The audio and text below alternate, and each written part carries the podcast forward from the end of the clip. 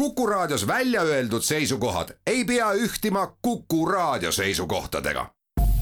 Te kuulate Kuku Raadiot.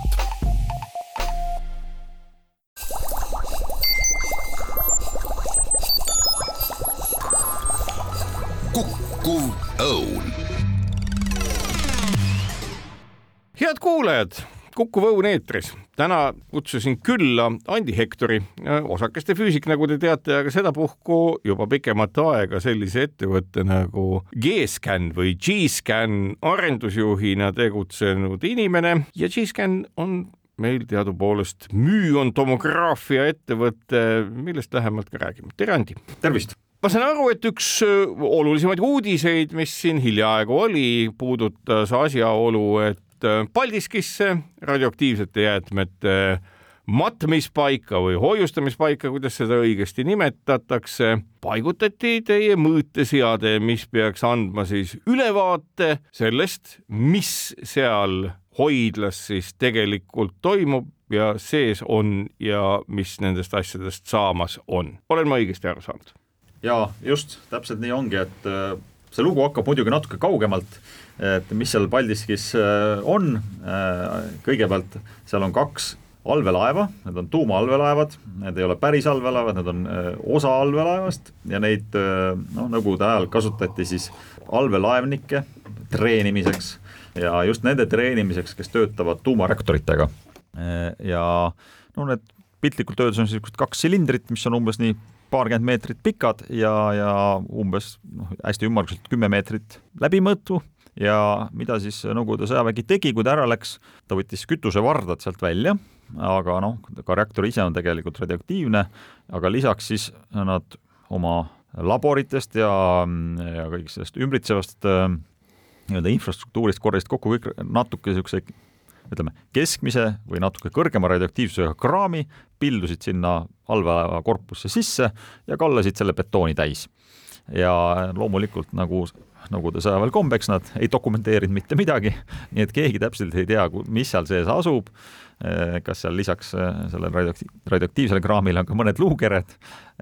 aga kui me tahame nüüd Eesti valitsus on tegelikult andnud Euroopa Liidule lubaduse, kui me Euroopa Liitu astusime, me, see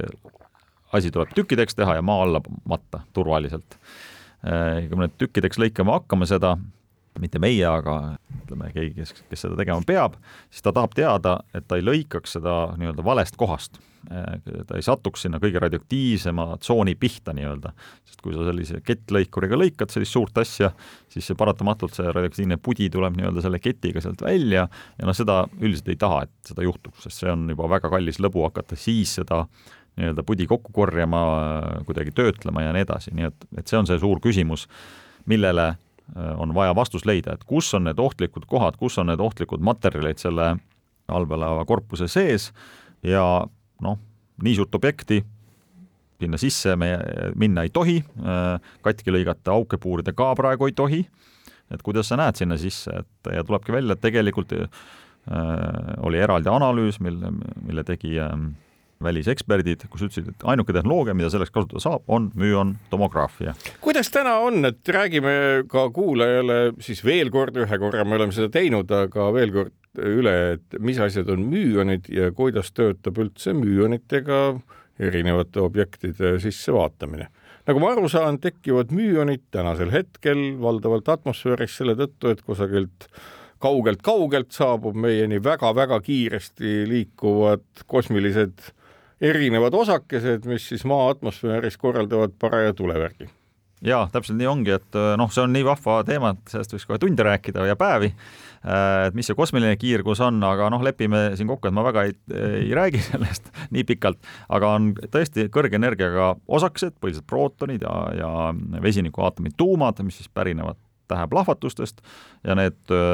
energeetilised tuumad siis pommitavad Maa atmosfääri. noh, meie õnneks Maa atmosfäär kaitseb meid, seega kuskil keskmiselt niimoodi kahekümne kilomeetri kõrgusel enamus nendest prootonitest on siis põrganud kokku kas siis hapniku või lämmastiku aatomi tuumaga ja see kokkupõrge põhjustab siis sellise kaskaadi, füüsikud ütlevad sekundaarseid osakesi, ehk see on niisugune nagu öeldakse mõnikord shower inglise keeles, selline dušš. dušš jah, ühest väiksest osakesest saab alguse järgmised kaks-kolm tükki, need põrkavad jälle, tekitavad omakorda igaüks kaks-kolm järgmist osakest, et lõpuks võib olla neid tuhandeid, isegi miljoneid osakesi, mis sealt sellest kaskaadist nii-öelda maapinnani jõuavad ja nendest osakestest tegelikult maapinnani jõuavadki põhiliselt müünid ehk müün on juba nii-öelda teist järku osake. müün on iseenesest mis, tal on laeng kõige ta... rohkem sarnaneb ta vist elektroniga ja ongi seda? ja mõnikord öeldaksegi tema kohta, et ta on elektroni nii-öelda vanem vend sada korda äh, või kakssada korda raskem kui elektron umbes ja, aga tal on täpselt sama laeng nagu elektronil ja kui me räägime nüüd atmosfääris tekkivatest müonitest, siis tegelikult on see täpselt pooleks on seal müoneid ja antimüoneid ehk miinus- ja plussmärgiga osakesi. aga noh, kõnekeeles öeldakse lihtsalt müonid. ja mõlemad lendavad maa poole mõlemad lendavad maa poole, nad tulevad noh, nii-öelda sajavad alla, noh, mitte päris otse ülevalt alla, vaid igasuguste erinevate nurkade alt, aga päris läbi maakera nad ei tule, et nad kuskil niimoodi meetri kuni kümne meetri pakkuses kihis enamasti, enamuses neelduvad, aga siis noh, mõned väga energeetilised võivad ka minna, ütleme rohkem isegi, isegi kilomeetri sügavusel ikkagi mõni jõuab sinna ka välja. ehk et neil on ka veel oma energiaspekter, et nad ei ole nii-öelda ainult ühe spektriga, vaid neid müüoneid tekib väga erinevate energiate ehk kiirustega. ja just, et äh, see kaskaadis juhtubki see, et need kõige energeetilisemad tulevad siis sealt äh, esimestelt kokkupõrgetest ja see madalama energiaga tulevad juba nendest järgmistest kokkupõrgetest. ja lood lootus on siis see, et ega ma saan aru, et ega müü on, kui ta on sellise läbistamisvõimega, et ega neid põrkeid eh, on üsna vähe, et kui me räägime mingist väikesest objektist, olgu siis inimesest või ka sellest eh, allveelaeva mulaažist seal Paldiskis, siis vaid vähesed eh, teevad seal olulise põrke ja mis selle tulemusena juhtub? ja et seal nüüd need müünid siis sajavad nii-öelda alla sealt ja kuna nad on noh, umbes kakssada korda raskemad kui elektron, siis nad äh, lähevad üsna hästi läbi materjalist, nende nii-öelda piltlikult öeldes, kui hästi näppude peale öeldes, nad nagu hooga panevad materjalidest üsna hästi läbi erinevate elektronist, mis neeldub seal mõne, mõne millimeetri paksuses kiis juba enamus, siis nemad panevad edasi üsna sirgjooneliselt, aga mitte päris sirgelt, et nii kui ta läheb tihedamasse ainesse, ta hakkab natukene kõrvale kalduma sellest algsest trajektoorist, algsest nii-öelda suunast. Ja vot see, kui palju ta kõrvale kaldub ja kui me nüüd saame veel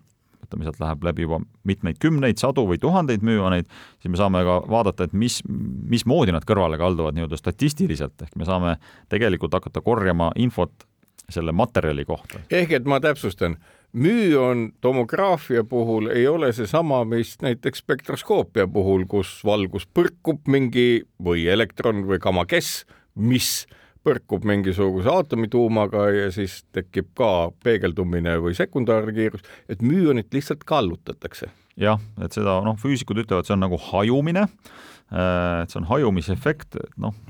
põhimõtteliselt kui keegi tahab võrrelda nüüd valgusega, siis äh, kui me kujutame ette, et meil on tavaline klaas, äh, sealt lähevad valgusosakesed läbi otse, kui me nüüd selle klaasi teeme noh, natuke räpaseks nii-öelda. matiks. teeme jah, mattklaasiks, just paneme sinna mingid pulbrit sisse nii-öelda, mis natuke hajutab, kallutab kõrvale neid, siis ta hakkab minema nagu valgeks selliseks. Äh, just, ja no saame kõrvalt nagu mõõta. nüüd, kas äh, see müüoni kõrvalekaldumise tulemusena äh, tekkiv no, hajumine, kas sellele jääb siis mingi muster ka külge, et mille pealt hajuti?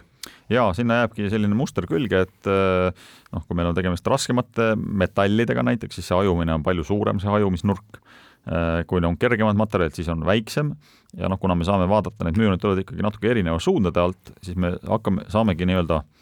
noh, füüsikud jälle kasutavad sellist toredat sõna nagu rekonstrueerida kokku selle kolm, kolmedimensionaalse pildi nendest materjalidest, mis seal sees on. no kui ma, kui ma nüüd paralleeli tooksin, siis äh, kui, kui te lähete arsti juurde ja teist tehakse kompuutertomograafia pilt, vot seal on umbes, seal on midagi nagu natuke sarnast toimub, et, et seal teid tulistatakse siis röntgenkiirgusega. erinevatest suundadest. just, erinevatest suundadest ja siis kogutakse see erinevatest suundadest saadud pilt nii-öelda kokku, ehk siis rekonstruk-, toimub selline rekonstruktsioon, kus pannakse teist kokku siis selline ilus 3D pilt nüüd see asi, mis teil neelab neid müüoneid, mis on kõrvale kallutatud, ma saan aru, et see peab olema väga spetsiifiline materjal, mis annab väga selge signaali, et nüüd ikkagi müüon tuli või see on ka mingi tavaline materjal, milles neeldumist vaadatakse, millega on tegemist? ja et no siin tuleb mängu see oluline asi, et kui me räägime näiteks röntgenikiirgusest, siis me teame, et need röntgenikiirguse osakesed on tegelikult needsamad osakesed, mis on valguses, aga natuke kõrgema energiaga, neil ei ole laengut ehk nende mõõtmine on üsna tülikas, sest ilma laenguta asjad ei jäta erilist jälge eh, materjalidesse. No meie õnneks müonil on laeng, ehk kui laetud asi läheb läbi läbipaistva materjali,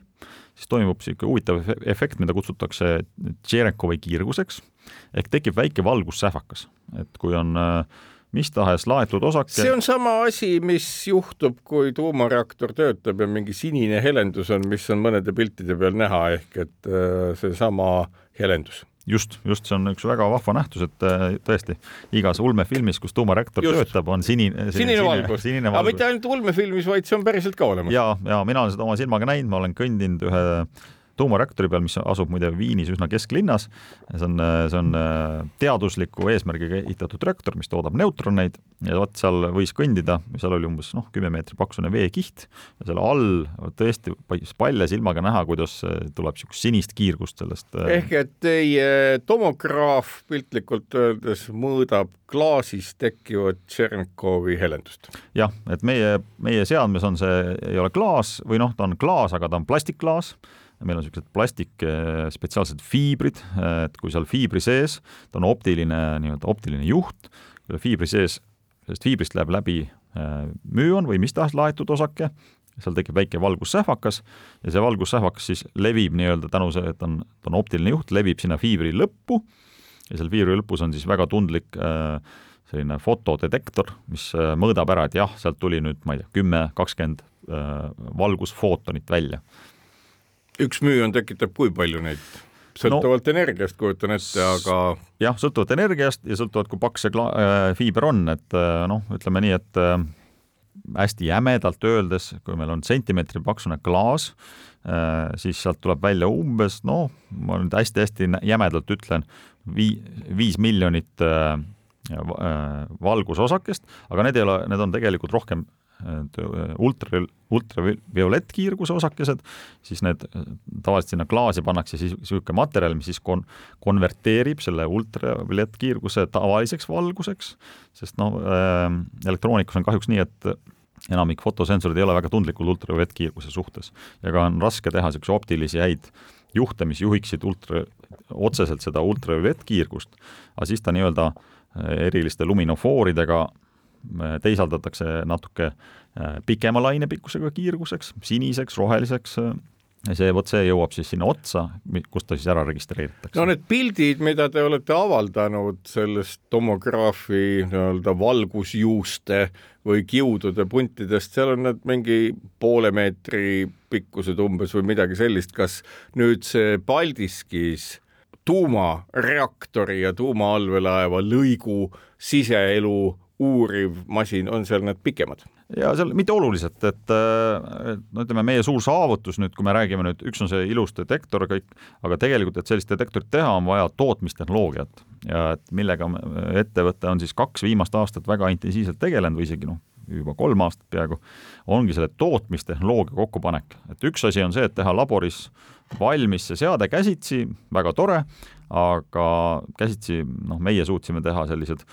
kakskümmend korda kakskümmend plaadikesed valmis, üle selle lihtsalt inimese jõud ja täpsus ei hakka peale, et äh, toota juba noh, päriselus on vaja meil me-, ruutmeetrite ja paljude ruutmeetrite suurusi seadmeid, selleks oli vaja robotsüsteemi, mis paneb nendest peenikestest optilistest fiibritest kokku siis sellised suured plaadid. ja tõepoolest me, meil detsembrikuus eelmisel aastal sai valmis siis selline tööstusrobot, mis suudab kuni kaks korda kaks meetrit pinna ära katta selliste äh, Äh, optiliste fiibritega, mille siis äh, ütleme, liimimistäpsus on kuskil seal paarkümmend äh, mikromeetrit. siinkohal teeme saatesse väikese pausi, kuulake meid pärast vaheaega edasi.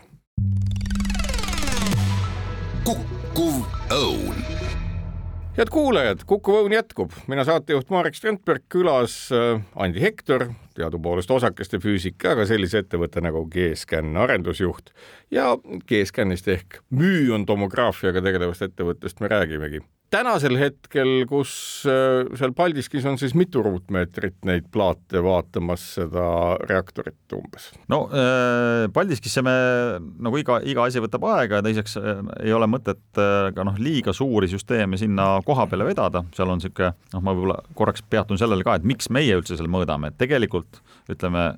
teadusprojektides on sarnaseid detektoreid tehtud, küll mitte fiiberoptilisi, pigem niisuguse eelmise põlvkonna ka niinimetatud kaasdetektoreid äh, kasutatakse. Äh, miks nemad seal mõõta ei saa, on see, et seal on ruumi väga vähe. seal on tõesti kitsas, selle allveelaeva korpuse ümber on ehitatud selline üsna väike äh, ruum äh,, betooniga kaetud piirkond, seda kutsutakse sarkofaagiks, ja vot seal sees on väga vähe ruumi ja meie detektorite eripära ongi siin, et nad on kompaktsed. ehk mida ja, me see on nagu plaaster põhimõtteliselt, millest tulevad mingid juhtmed välja, mida on võimalik plaasterdada erinevate objektide peale no põhimõtteliselt peaaegu niimoodi jah, et see plaaster on küll noh, selline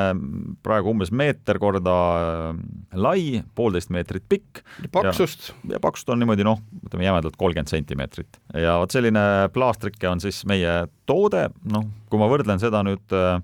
eelmiste projektidega sarnastega maailmas, siis seal on, äh, no ütleme, need paksused on pigem üle meetri äh, ja rohkem isegi ja, ja, ja teisest küljest seda laiust ehk seda efektiivset pinda, mis mõõdab, on jälle oluliselt vähem. ehk me suutsime kaks asja korraga teha, muuta seda oluliselt õhemaks, selle süsteemi, ja teha ta jälle laiemaks, mis tähendab seda, et me saame korraga mõõta rohkem müüoneid. aga sellist võimalust, et paigutada see üldse kuhugi väljapoole, siis see mõõdaks juba väga palju erinevaid asju, mille tagasi rehkendamine nii-öelda objekti sisemiseks struktuuriks oleks keeruline. ja, ja et äh, see äh, üks variant olekski mõõta seda väljapool seda betoonsarkofaagi, aga noh, iga selline lisaobjekt natuke nagu teeb seda pilti udusemaks, ehk me peame kauem andmeid koguma ja, ja noh, põhimõtteliselt ongi see, et mida lähemal sa oled mõõdetavale objektile, seda, seda täpsem see pilt tuleb ja seda kiiremini et igaüks teab ju, et kui on valgusallikas, lambipirn, kui sa lähed sellest kaugemale, siis üsna kiiresti nii-öelda valgus läheb tuhmimaks, sest ta jõuab ühe pindalaühiku kohta vähe no,. inimesed on üldiselt ju alati väga nutikad olnud, et noh, üks asi on öelda, et oo oh,, jah, kahjuks kosmiline kiirgus, rohkem meil müüoneid ei ole, aga on täiesti selge, kui pikalt peaks praegu neid müüoneid seal koguma, et selle reaktori kohta mingi pilt kätte saada üldse mm? -hmm. no ma toon sulle sellise ilusa võrdluse, et, et kui me saadaks, saaks selle aluse kõik ära katta, ehk seal ütleme sadakond ruutmeetrit või rohkem ära katta oma detektoritega, siis tegelikult me räägime tundidest, et me suudaks selle noh, ütleme kaheksa tunniga saaks väga ilusa pildi. aga noh, selge see, et me sada ruutmeetrit täna, kui panna sinna isegi teie robottootmine juurde, milline hinnalipik selle masina küljes siis oleks? oh, ma kohe peast ei julge öelda, aga no see maksaks ikkagi palju-palju äh, miljoneid, et see on suur, see oleks äh, ja noh, teiseks selle kohale viimine, paigutamine laiali võtaks, äh, noh, oleks omaette niisugune logistika ülesanne. meie lähenemine on teistsugune, me viisime sinna tegelikult kaks sellist meeter korda poolteist meetrit plaadikest ja me lihtsalt tõstame neid järjest ühelt positsioonilt teise nii-öelda nelikümmend kaheksa tundi mõõdame ühes kohas, siis tõstame ta järgmisele positsioonile, ehk me niimoodi sel, sel moel katame selle alumise reaktori aluse piirkonna ära ja arvuti abil võime need andmed ilusti kokku kombineerida ja siis me saame äh, pikalt see mõõtmine käinud on juba? jaa, see mõõtmine on käinud nüüd ütleme peast öeldes äh, läheb vist juba kolmas nädal. mis et... tähendab, et neid äh, mõõtmistulemusi on seal üksjagu, kas praegu juba midagi tavatut paistab? praegu veel midagi ei paista, et see ongi huvitav, et selleks, et saada mingigi pilt ette, et me peame piisavalt palju positsioone ära mõõtma seda võib nagu inimese, natuke võrrelda nagu inimese silmaga, et, et näha 3D pilti, selleks ei piisa ühest silmast. et sa pead nagu erinevalt, piisavalt paljudelt erinevatelt positsioonidelt selle eri nurga all ära mõõtma, et sa, et sellest siis kokku panna 3D pilt. ehk et äh, täna tehtavad mõõtmised positsioonilt üks muutuvad oma sisu mõttes, kui te teete ära mõõtmised näiteks positsioonilt kümme. ehk ja. et need andmed on nagu selles mõttes omavahel seotud. just, just, et äh, ütleme nii, et kui me noh, hästi jämedalt äh, kuskil mai lõpus, juuni, juuni keskel hakkame nii-öelda udust pilti nägema ja siis veel, ütleme veel kaks kuud otsa sinna ja natuke rohkem, et siis meil tekib see selline pilt, mida meie siis nii-öelda klient ootab, mis on see kuskil. kas nende tähtede plahvatusel toimuvad osakeste pursked, mille käes, siis äh, maailmas äh, meil nii päikesesüsteem kui planeet Maa nii-öelda kannatavad või naudivad seda, kuidas iganes võtta seda vihma. Äh, kas see foon on kogu aeg ühesugune? jaa, see tegelikult on nii, et seal on ka nüüd keerulised lood, et äh, seal on erineva energiaga osakesed selles kosmilises äh, foonis. Ja kui me räägime madalenergia otsast ehk nende kõige, kõige madalama energiaga osakesed, siis äh, ehk need on siis ja elektronidest põhiliselt ka,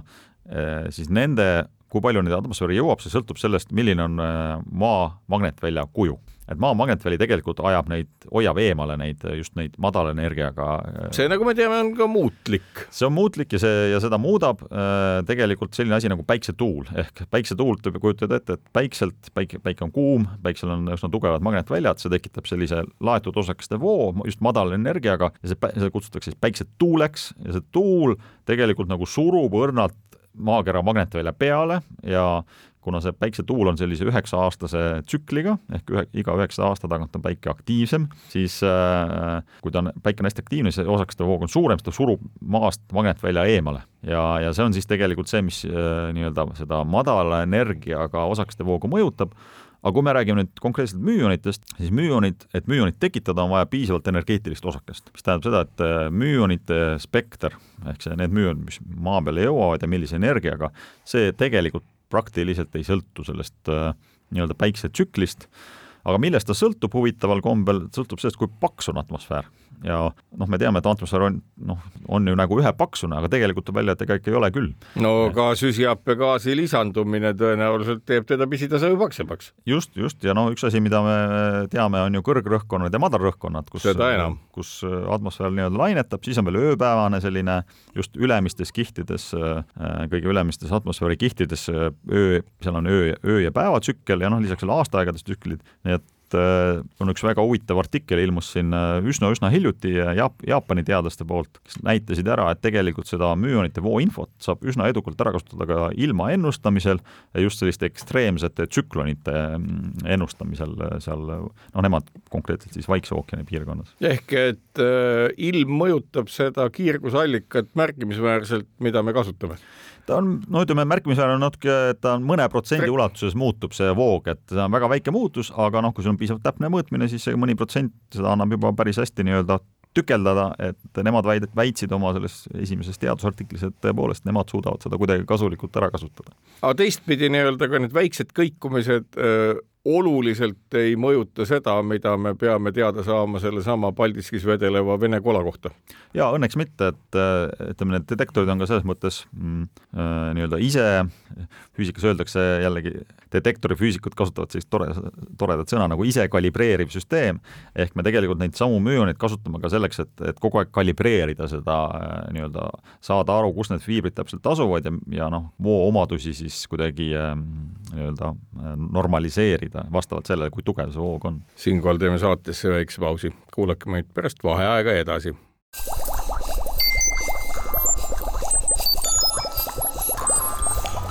kukkuv õun. head kuulajad, Kukkuv õun jätkub külas äh, müüontomograafia ettevõtte arendusjuht ettevõtte G-Scan arendusjuht Andi Hektor, mina saatejuht Marek Strandberg, räägime müüondomograafiast, nüüd jõudsimegi sinna, mida eelmise osa alguses püüdsin ka mm, kirjeldada, sellesama nii-öelda müüonite allika juurde, kas tänasel päeval on ka võimalik müüoneid äh, inimkätega luua paremini kui kosmosest, rohkem kui kosmosest äh, neid võimalusi meieni maale jõuab. ja et äh, nagu teate, kõik teavad, müürid on ju punast värvi vähemalt füüsikud tihti märgivad neid joonistel punasega, et, äh, et kindlasti need äh, inimese tehtud müürid on siis punasemad ja ilusamad aga tõsi ta on, et, et see on väga ammune unistus erinevate rakenduste jaoks toota nii-öelda tehislikult müüoneid ja neid loomulikult toodetakse ka, aga lihtsalt need aparaadid, mis praegu neid toodavad, on ütleme sadade meetrite pikkused kiirendid ja neid, äh, neid kindlasti, äh, neid ei ole Eestis, neid ei ole isegi Põhjamaades ühtegi, et lähim, lähim on tegelikult Inglismaal selline müüonite allikas Äh, siis on Šveitsis müünite allikas, äh, siis on äh, Saksamaal on niisugune koht nagu Tesi Hamburgi lähedal, kus on ka müünite allikad, et nad on kallid seadmed ja, ja need on noh, ennekõike siis teaduseesmärkidel toodavad müüoneid. noh, küsimus on, et kas on võimalik teha siis selline kommertsseade, mis, mis oleks talutava hinnaga ja mida saaks võib-olla siis kas või olgu ta siis kas või merekonteineri suurune kuskile vedada nii-öelda ja ta toodaks siis müüoneid. et sellist seadet veel olemas ei ole. aga, aga selle... on mõni idee, kuidas sellist valmistada võiks? on, on,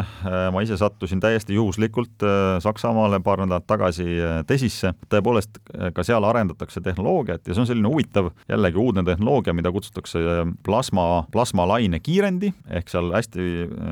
spetsiifiliste, üsna võimsate laseritega tekitatakse selline plasmas niisugune laine, mis siis kiirendab elektrone. Ja, ja seda, kui, kui ma rääkisin enne, et sellised tavakiirendid on, kus müüoneid tekitatakse, on ikkagi sadade meetrite pikkused kiirendid, siis äh, nemad väidavad, et nad suudavad juba seal äh, ütleme, kuskil viie sentimeetrise äh, pikkuse torukese sees, kus see plasma on, tekitada täiesti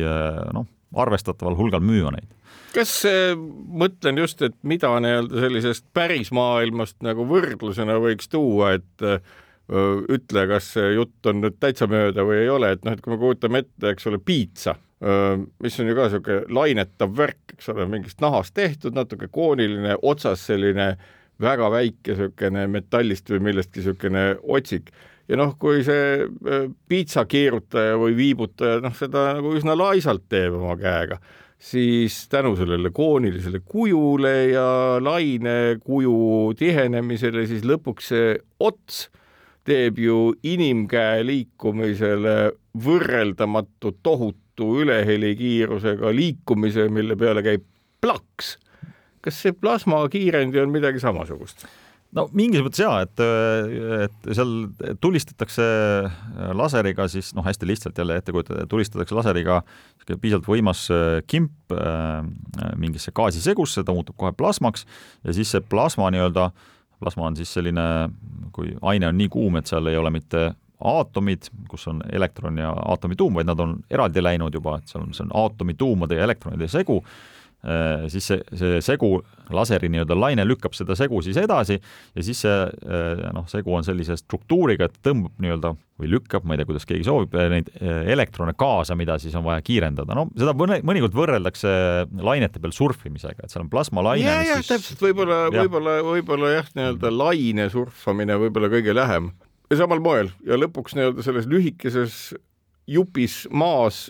energiatihedus saab olema nii suur, et äh, on sama ja tekibki müün. ja, ja siis need elektronid tulistatakse, noh, ütleme, kui, kui tahta juba müoneid tekitada, see kiirend ise kiirendab muidugi elektrone, siis need müü-, elektronid, hästi energeetilised elektronid tulistatakse äh, ütleme, raskemetallist sihtmärgi pihta äh, ja seal sihtmärgis siis tekib teatud protsesside tulemusel tekivad müonid ja need müonid siis äh, on segamini siis äh, tegelikult väga paljude muude osakestega, seal tekib nii palju igasugu sodi nagu inglise keeles öeldakse, ja siis äh, eriliste magnetläätsede äh, ja magnetsüsteemidega siis lahutatakse eraldi, et elektronid lähevad siis ühte harusse ja müonid lastakse kuhugi mujale ja siis veel gammakiirgus ja kõik selline neutraalne läheb otse edasi. Ja neid siis võib erinevatel, noh, on isegi ütleme, selliseid ideid, et kasutada, elektrone kasutatakse näiteks mingi ma ei tea, kiiritusravi jaoks näiteks ja müoneid, mis seal tekitab, kasutatakse näiteks äh, nii-öelda äh, müontomograafia jaoks, et neid mõtteid on seal ka, kuidas seda nii-öelda eri asjad ühte, ühte rakendusse kokku panna. no bioloogiliste süsteemide kohta, kui müonid oleks rohkem, võimaldaks ilmselt selline äh, osake päris palju informatsiooni saada, eriti oma energiahulga poolest, küll struktuuri, küll protsesside kohta, vastab see tõele? ja, ja et noh, kui meil oleks, ütleme, hea müonallikas, kust tuleks üsna heade omadustega nii-öelda üsna ühesuguse energiaga müonid välja, siis mina ütleks, et on, oleks äh, radioloogias äh,, eks see on siis meditsiiniharu, mis, mis püüab inimestest läbi vaadata või elusolenditest, et see oleks noh, täielik revolutsioon, sest üldiselt röntgenkiirguse häda on see, et see ei ole tundlik selle aine suhtes, ta mõõdab aine keskmist tihedust. kui me müonitega mõõdame, siis müonid on väga kuna nad on laetud osakesed, siis nad on väga tundlikud selles, selle suhtes, milles see konkreetselt, mis on selle keemiline koostis. ja kui meil oleks niisugune hea müünallikas, siis me noh, sisuliselt nagu mustvalge, mustvalge telekas läheks värviliseks, et äh, sama, sama erinevus on kas nüüd müonite puhul, kui nende tihedus on suurem kui evolutsiooni käigus elus loodus harjunud, mis on olnud, ma saan aru, tähtede tekke ja lagunemise ja mille iganes tõttu üsna pikka aega üsna ühetaoline, kas suur müonite kontsentratsioon oleks ka nagu elu mõjutav. jaa, et, et noh, ütleme jällegi, et kuidas seda nüüd võtta, et äh, müonite suur eelis äh, võrreldes röntgenikiirgusega ja gammakiirgusega on see, et, et me suudame neid väga hästi mõõta, me suudame praktiliselt üheksakümmend üheksa, noh, põhimõtteliselt võime teha detektorit, mõõdab peaaegu sada protsenti müonitest ära. seega midagi kaduma ei lähe, ehk me vajame väga väikest radio, ütleme, lisakiirgusdoosi, et kui me räägime müonitest, siis kui meil oleks tuhat korda kõrgem müonite voog kui looduslik, siis see jääks ikkagi veel enam-vähem sellesse lubatud äh, kiirgusfooni piiresse, et meil oleks isegi vaja eriluba selle jaoks, et seda kasutada. aga tuhat korda suurem müonite voog annaks äh, müontomograafia mõttes oleks see nagu revolutsioon. detailne pilt pluss värviline pilt. pluss värviline pilt, just, ja, ja saaks selle pildi ka kiiresti ette. kui me läheme nüüd veel suuremate müonvoogude juurde, siis seal muidugi, seal tulevad juba kiirgus, kiirgusohutusest tulenevad piirangud ja noh, ütleme nii, et kui müonite voog läheb ülisuureks, siis see, see on tegelikult omamoodi ka räägitakse kui relvast, et sellise relvaga saaks, noh, miks Ameerika Ühendriikide igasugu sõjatööstusagentuurid tunnevad huvi müonite vastu ja müonkahurite vastu, on just see, et see on väga efektiivne asi, millega näiteks elektroonikat segada, sest ta läheb praktiliselt igalt poolt läbi, teda varjestada ei saa selle eest ja, ja selline, kui selline piisavalt tihe müü on, müü on kiir tabaks mingit elektroonikaseadet, siis ta läheb hetkega nii-öelda lolliks kuna sellised ehk et mida väiksem on põhimõtteliselt ju element või transistor, täna vist kolm nanomeetrit räägitakse, et seda suuremat kaost ta tekitaks. jaa, kindlasti, kindlasti, aga no siin ütleme, ma olen ka näinud arvutusi, kus näidatakse isegi elektrolambid, mis on väga üldiselt taluvad üsna hästi selliseid kiirgusi ja asju, isegi need, neid on võimalik selliste seadmetega lolliks ajada, nii et et noh, ütleme nii, et üks, üks on selline tsiviilkasutus, meditsiin, kus ta annab noh, ütleme temaga tuleks ikkagi kaasa mingis mõttes revolutsioon, aga noh, sõjatööstusel on omad huvid seal mängus, et, et äh, selliseid no eriti vist nüüd, kus me teame, et äh, üks kaabak riik siin meie lähikonnas, Venemaa nimelt, äh, noh, kasutab ulatuslikult kõikvõimalikke traditsioonilisi relvi ja asju. kas see võiks olla ka lootus, millega näiteks õhku lastud mingi ballistiline rakett oma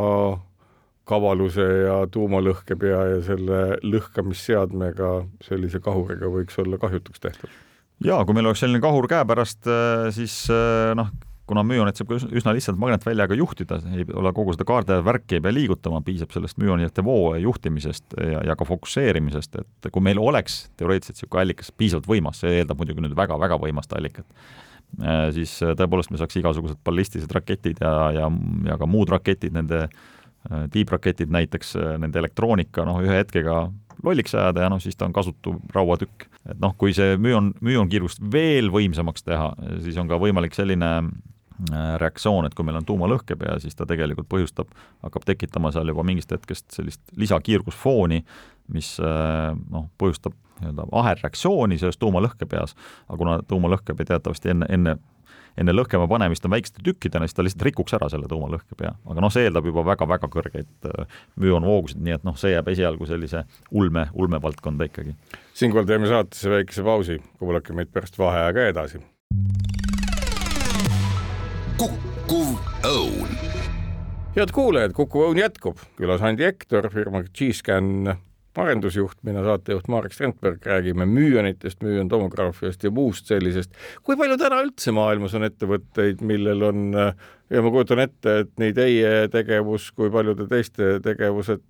kas neid on nüüd ka nii nagu dotcomi ajastul tuli ettevõtteid, mis kõik ütlesid, et nad tegelevad müüntomograafiaga või neid on ikkagi ühe või kahe käe sõrmedel võimalik veel üles lugeda? nojah, nüüd, nüüd ei ole enam dotcomi ajastu, nüüd on dot ai ajastu. just, just et tõepoolest, müün, müün, müünite valdkonnas nii palju ettevõtteid ei ole, aga noh, mida ma ütleme natuke murega, aga natuke ka rõõmuga näen, et neid tekib ikkagi juurde kogu aeg, et äh, et tegemist on kindlasti nagu spetsiifilise ja, ja väga keerulist riistvara arendust nõudva valdkonnaga, et see ei ole, see ei ole asi, mida, see ei ole isegi nagu elektroonika arendamine, kus elektroonika komponendid on ikkagi ju noh, nii-öelda poest võtta, siin tuleb arendada väga palju unikaalseid komponente välja, et sellist ettevõtet kindlasti ei ole lihtne nullist teha, aga noh, kui ma nüüd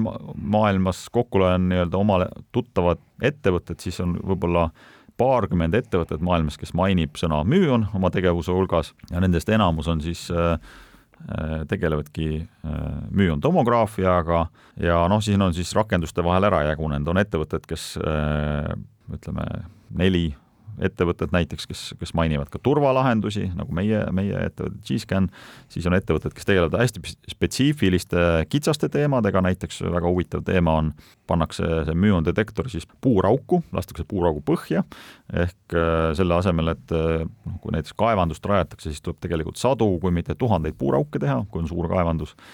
et aru saada, kus see maagi, maak siis maa sees täpselt laiali asub. Nemad väidavad, et äh, seal võib kümneid, kui mitte rohkem kordi vähem teha neid puurauke, kui, kui selle müün tehnoloogiaga siis mõõta, kus see maagikiht asub, et noh, see eeldab muidugi see, et see maagikiht on äh, üsna er,, üsna erinevate omadustega kui ümbritsev pinnas. et noh, see töötab väga hästi näiteks raskemetallide puhul, ka vase, kuna vask on tihti koos raskemetallidega, siis ka need väidavad, et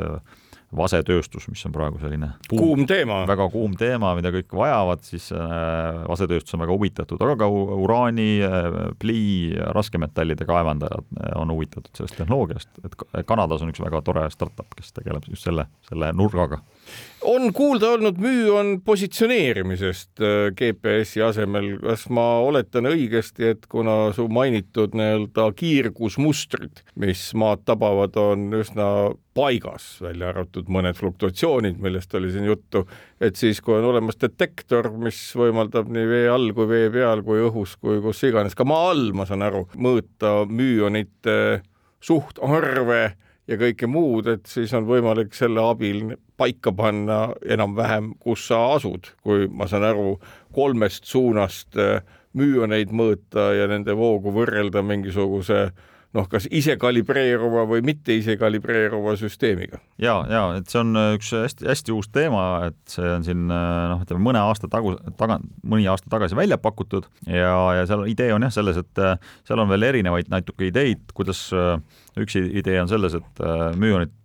tegelikult tulevad nagu kimpudena, sest mingi väga energeetiline osake tabab ju seda atmosfääri ja seal tekib selline nagu räägitud selline kaskaad osakestest, seega tihti need müünid tulevadki mitmekesi ja seda on võimalik ära nii-öelda kasutada, et me teame, et nad tulevad ühest suunast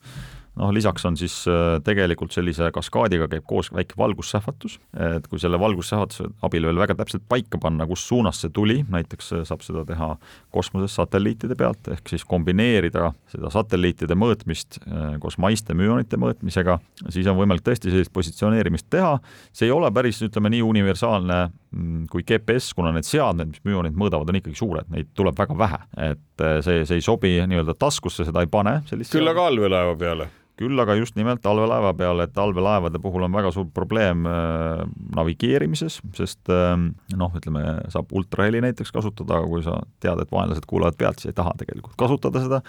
et nad on täiesti noh, ütleme tuumaallveelaevad sõidavad täiesti nii-öelda vaikuses mingites äh,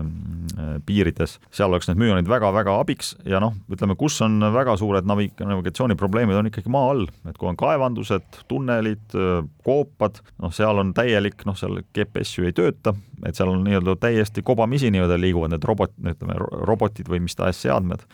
Ja et äh, ütleme, seal on selline võib-olla müüntomograafiale eriti just, just selle positsioneerimise mõttes eriti suur roll võiks olla, et ja noh, järjest rohkem me näeme ju maal ka, et kuna maal, maa-alused tööd on ohtlikud, sinna saadetakse järjest rohkem roboteid, siis noh, miks mitte, tulevikurobotid võiks olla varustatud sellise müündetektoriga, mis aitab. kui see G-Scan alustas, oli müün detekteerimine ja kogu see teema üsna uus, kuidas te selle idee peale sattusite, mis juhtum on? Mm. -hmm. ja see, ütleme, iga lugu algab ju kusagilt ja, ja see lugu algab siin sellest, et, äh, et oli selline ettevõte nagu GoSwift, kes arendas äh, piiri, noh, ütleme piirisüsteemidele tarkvara, ennekõike järjekorrasüsteeme ja neil oli üks projekt, noh, neile pakuti ühte projekti, kus oli siis vaja välja mõelda täisautomaatne piiripunkt autodele no selline nagu, kus nagu lennujaamas lähed ise sisse, paned passi, vaatab sulle kaameraga näkku, ütleb, et jah, sa oled seesama inimene, kes on passis ja siis teeb uksed lahti. aga sinna oli vaja autoga sisse sõita, et ta laseb näiteks sõiduautosid läbi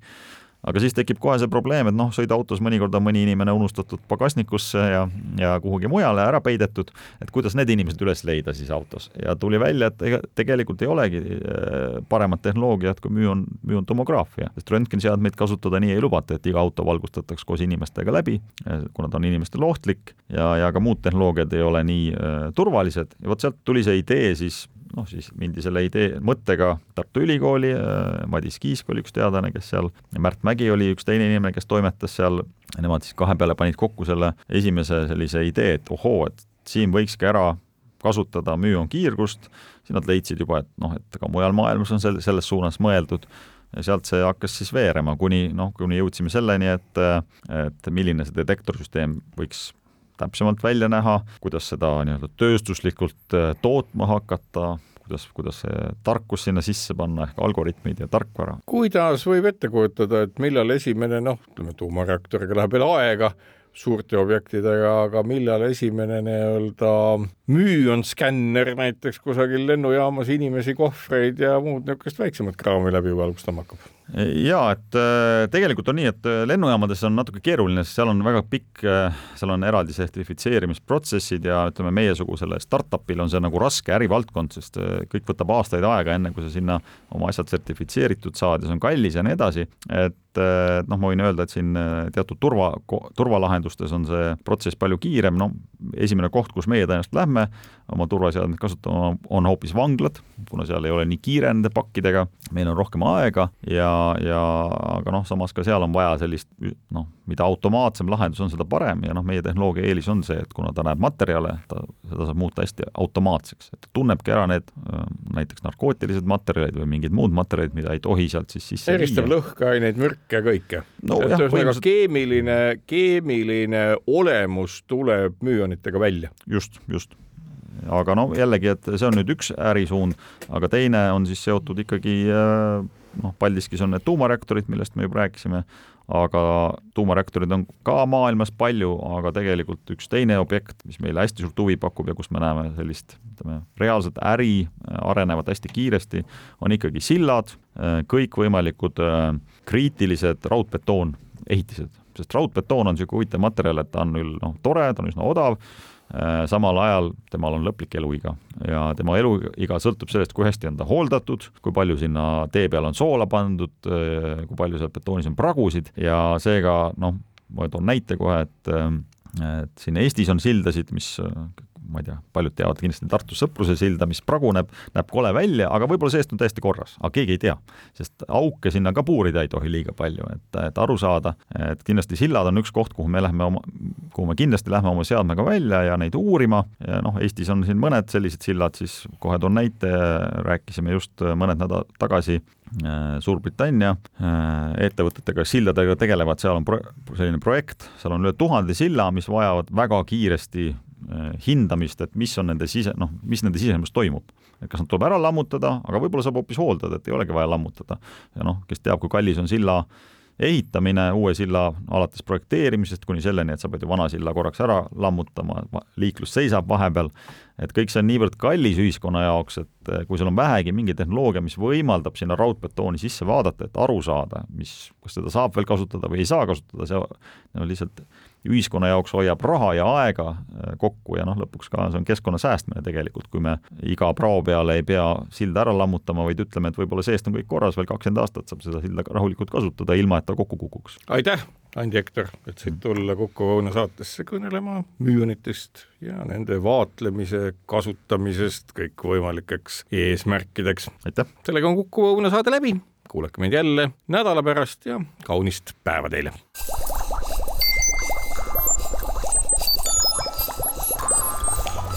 Kukkuv õun